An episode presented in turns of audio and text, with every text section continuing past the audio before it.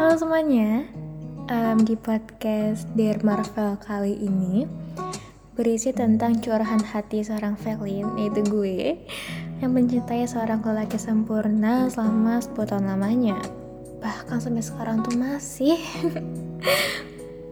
gue sama Marvel ini bener-bener dikasih sama semesta banyak banget kesempatan kita SMP-nya 3 tahun sekelas terus, SMA-nya 3 tahun sekelas terus, bahkan ya kuliah aja 4 tahun kita tuh sefakultas dan ada beberapa matkul tuh emang kita bareng.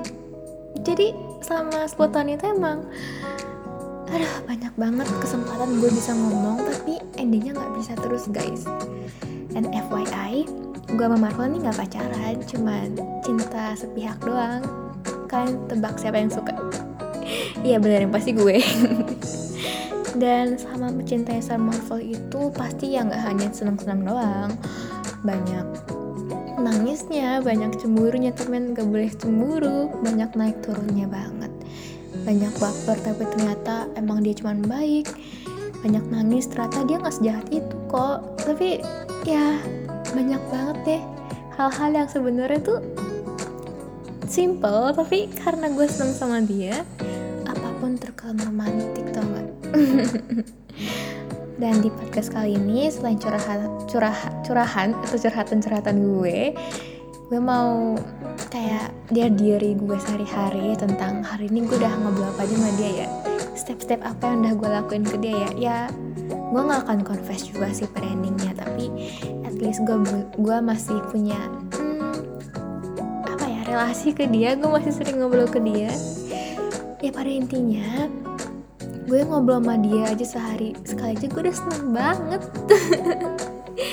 Dan ya apa pun yang dia lakuin dia mau deket sama siapa atau enggak dia mau kuliah di luar negeri juga atau dia mau nikah sama siapa itu sedih sih. Tapi intinya gue pasti bakal terus mendukung dia mencintai dia terus dan apa pun yang dilakukan sama dia pasti bikin gue bahagia tapi jangan sampai nikah sama orangnya juga gak sih? Gue kok gak sedih gini ya? Tapi ya Marvel Marvel. Orangnya tuh cuma satu. Kayak cuma satu doang tapi kenapa dia bisa mengalihkan hidup gue banget? Kayak hah udahlah gue juga nggak paham guys. Kalian juga merasakan dan menurut gue juga nggak hanya gue deh banyak luar sana orang-orang yang mencintai seseorang dari jauh secara lama tapi bingung gitu loh harus gimana dan akhirnya jatuhinnya ke bentuk podcast atau enggak novel. Dan gue harap kalian semua gak akan bosan dengerin curhatan gue dan pastinya bakal seru banget. And stay tune terus guys di podcast gue. See you in the next episode. Bye